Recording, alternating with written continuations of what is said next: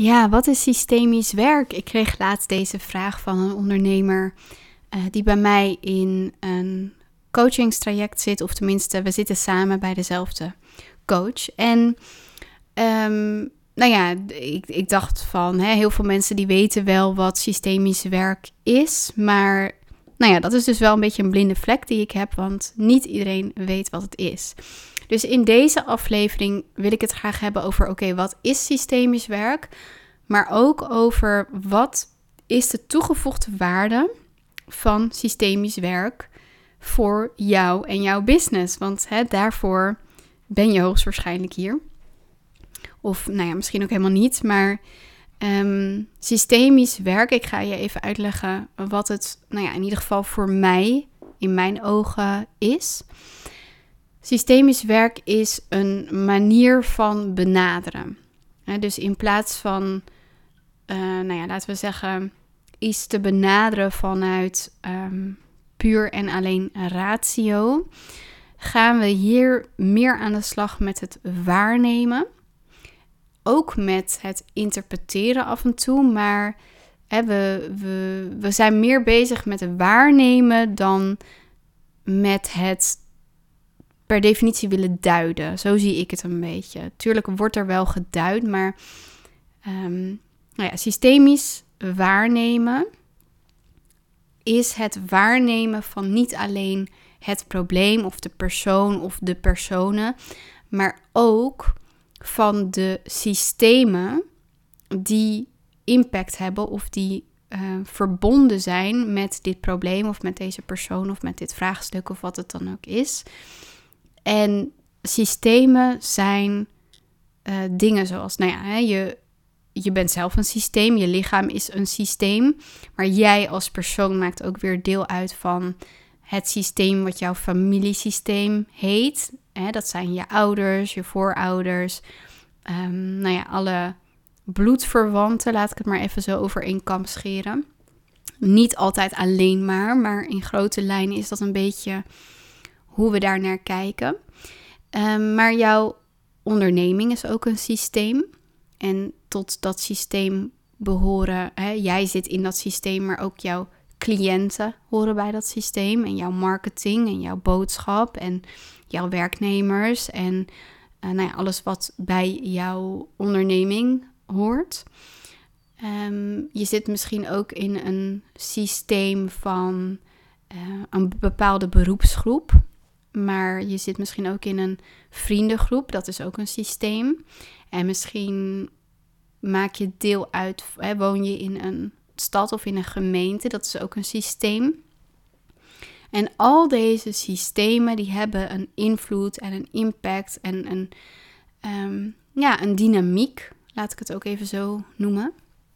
En als we dan hebben over, oké, maar wat is dan systemisch werk? Dan is het dus kijken naar problemen hè, of uh, dingen die zich manifesteren, naar hoe ik dat eigenlijk zie, de symptomen die zich manifesteren in het dagelijks leven, wat ik dan ook de bovenstroom noem.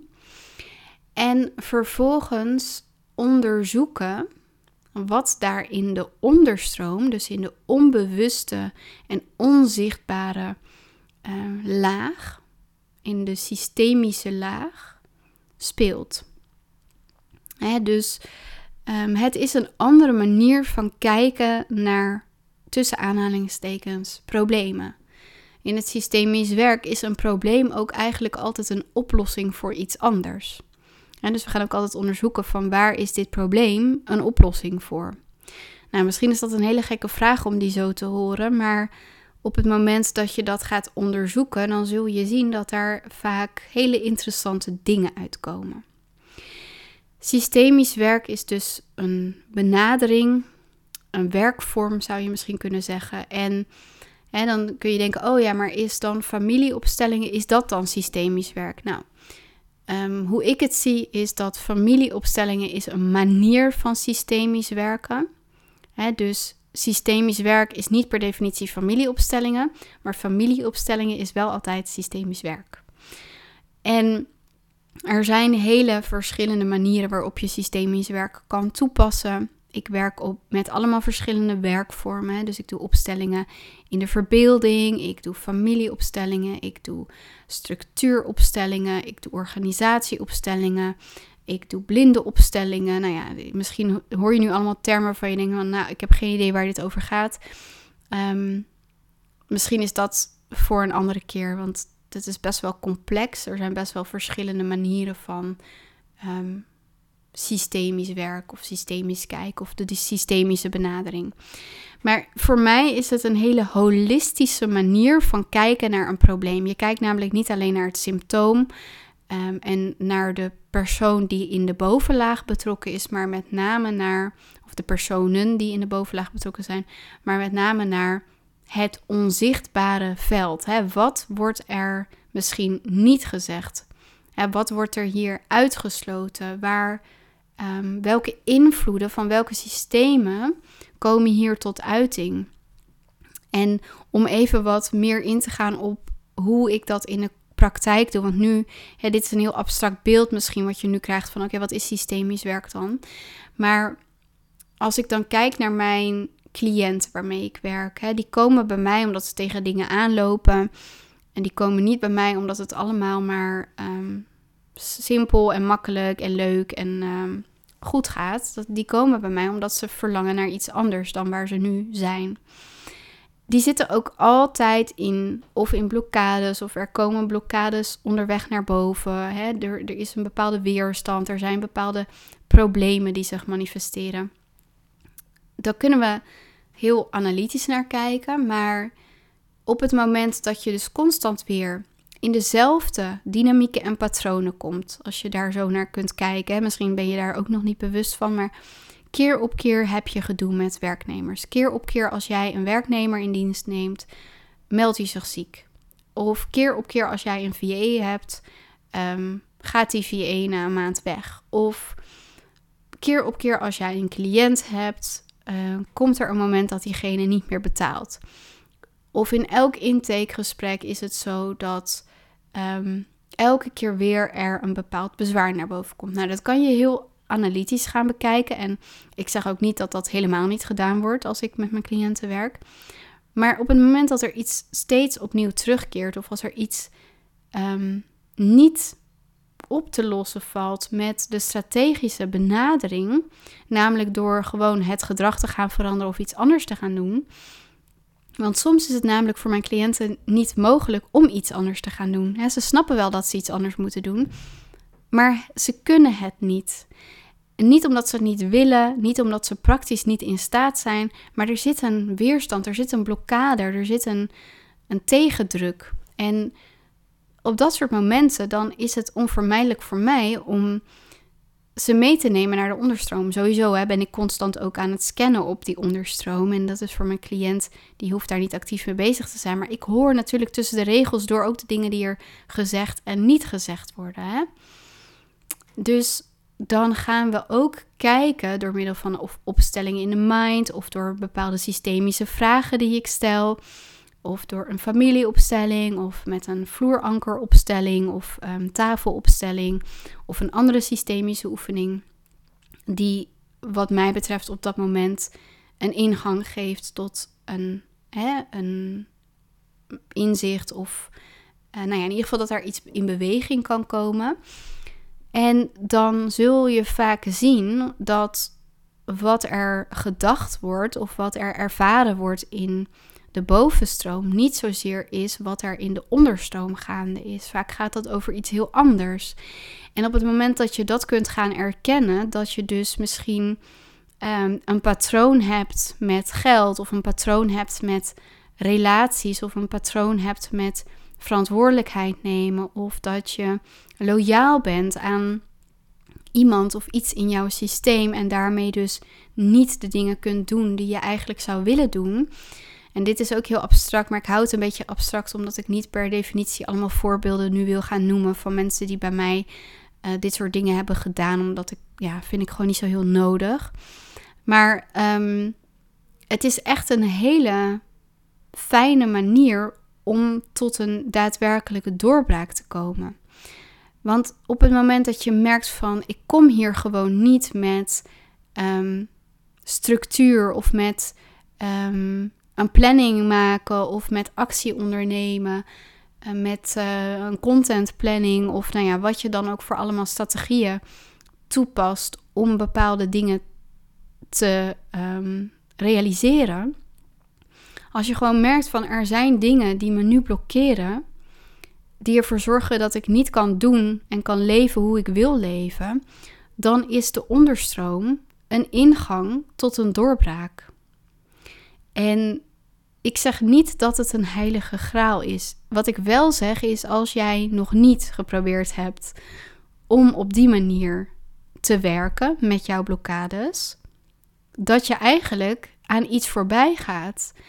Want je kan niet alleen maar kiezen. Ja, kan, natuurlijk kan het, maar je snapt ook dat het ehm, alleen in de ratio, in het, in het rationele stuk blijven, dat je daarmee iets anders uitsluit. Wat je daarmee uitsluit is het onbewuste, het misschien wel wat meer fysieke stuk, of misschien zelfs ook wel wat meer spirituele stuk, wat misschien wel aan de grondslag ligt van het probleem wat je ondervindt. dus ik zie het veel meer als een soort van ijsberg. Kijk, de symptomen die je ervaart, is dat topje van die ijsberg. Maar die ijsberg is onder water zoveel groter dan wat we zien.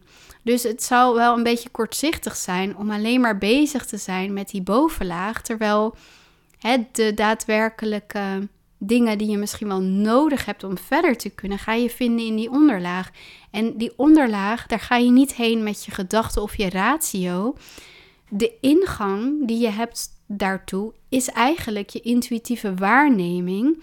En dat doe je met je lichaam. En je hoofd is ook je lichaam, hè? Maar ehm, ik merk bij mijn cliënten dat als er iets klikt in dat systemisch werken, dus als er bepaalde vragen wordt gesteld of er worden bepaalde bewegingen gemaakt of er gebeurt iets in zo'n oefening, dan reageert het lichaam en dan wordt er ook heel vaak een soort, um, ja, we noemen dat dan geladen fysiologie. Hè? Dus dan komt er een ontlading en vaak een emotionele ontlading. En vervolgens werkt die ontlading um, bevrijdend, omdat er dan. ik zie dat altijd als de beweging van de ziel. Op het moment dat de ziel een beweging kan gaan maken. En dat klinkt misschien heel spiritueel en abstract, maar ehm, ik zie daadwerkelijk als er in opstellingen een innerlijke beweging gemaakt kan worden, dat dat ook weer de ruimte geeft om in de bovenstroom ook daadwerkelijk die stap te kunnen gaan nemen. En voor mij is het doel niet om dingen te sturen in die onderstroom. Voor mij gaat het echt over waarnemen, waarnemen, waarnemen. En de waarneming alleen is genoeg om het lichaam zelf het werk te laten doen, om zelf de beweging tot stand te laten komen. En dat is niet altijd mogelijk. Hè? Soms is dat gewoon niet mogelijk. En dan is het aan mij om dat gewoon te erkennen, te laten. Aan mijn cliënt ook om dat te erkennen. En Ehm, ja, er te laten zijn. Maar ook dat, het feit dat je het kunt erkennen zonder dat er daadwerkelijk een beweging hoeft te zijn, kan al heel veel ruimte opleveren. En voor mij is het gewoon niet, er is voor mij geen andere weg dan op een holistische manier mijn leven leiden. Dus alle facetten in beschouwing nemen. Als ik fysieke klachten heb bijvoorbeeld, hè, dan um, gaat het niet alleen over de schouderpijn die ik heb. Dan voel ik ook vaak dat daar nog iets anders zit. Dat daar stress zit. En dat die stress misschien gaat over een angst. En dat die angst misschien gaat over een tekort. En dat het gevoel van tekort misschien gaat over hè, iets waar ik, um, nou, een gemis wat ik heb. Of het kan van alles zijn, maar ik kijk daar echt naar als een geheel en ik kijk ook naar alle facetten van het probleem. Omdat ik gewoon zie dat een probleem nooit alleen maar een oppervlakte heeft, maar ook een onderlaag. En dat juist de onderlaag heel veel informatie bevat en ook vaak de sleutel heeft tot de daadwerkelijke bevrijding. De intentie hoeft niet per definitie te zijn dat je gaat bevrijden met systemisch werk, want systemisch werk is met name het benaderen en het ehm, waarnemen van de onderstroom en het tot uiting brengen van de onderstroom. Maar ik voel niet zozeer de uh, urge om daar ook daadwerkelijk actief iets in te moeten doen. Hè. Voor mij is systemisch werk ook heel fenomenologisch werken, dus in de waarneming, in de objectieve waarneming, voor zover dat kan, zonder daar iets aan te hoeven, moeten of willen veranderen, maar gewoon erkennen en kunnen zijn met de rauwe realiteit. Want juist het erkennen van de realiteit zoals die zich aandient, bevrijdt ons van Ehm, het lijden uiteindelijk. Hè? Het, niet willen accepteren of het niet willen erkennen van de waarheid tussen aanhalingstekens. Daar ga ik ook nog een podcast over opnemen, want aflevering over opnemen, want ik denk dat dat ook heel interessant is van wat is dan de waarheid. Maar het erkennen van wat er is bevrijdt ons, want het vechten tegen wat we willen onderdrukken en dus het afdekken van de rauwe waarheid en de pijn en de dingen die we misschien niet willen zien belemmert ons om te kunnen, vrij te kunnen bewegen in het leven. En dat is eigenlijk wat systemisch werk als toegevoegde waarde is, denk ik, ook in het werk wat ik doe. Dat het een mogelijkheid is voor jezelf om ehm, jezelf te bevrijden door te onderzoeken wat in de onderstroom meespeelt en aanwezig is. En soms krijg ik de vraag van, ja, maar je wilt toch wel iets helen? Je, cliënt komt om iets te helen of om iets op te lossen. Ja, alleen voor mij is het zo dat een oplossing niet ligt in het um, controle uitoefenen of het forceren van een uitkomst. misschien is de uitkomst wel dat er nu geen oplossing voor je is. Misschien is de uitkomst wel dat je het nu niet weet of dat je het nu niet kunt erkennen.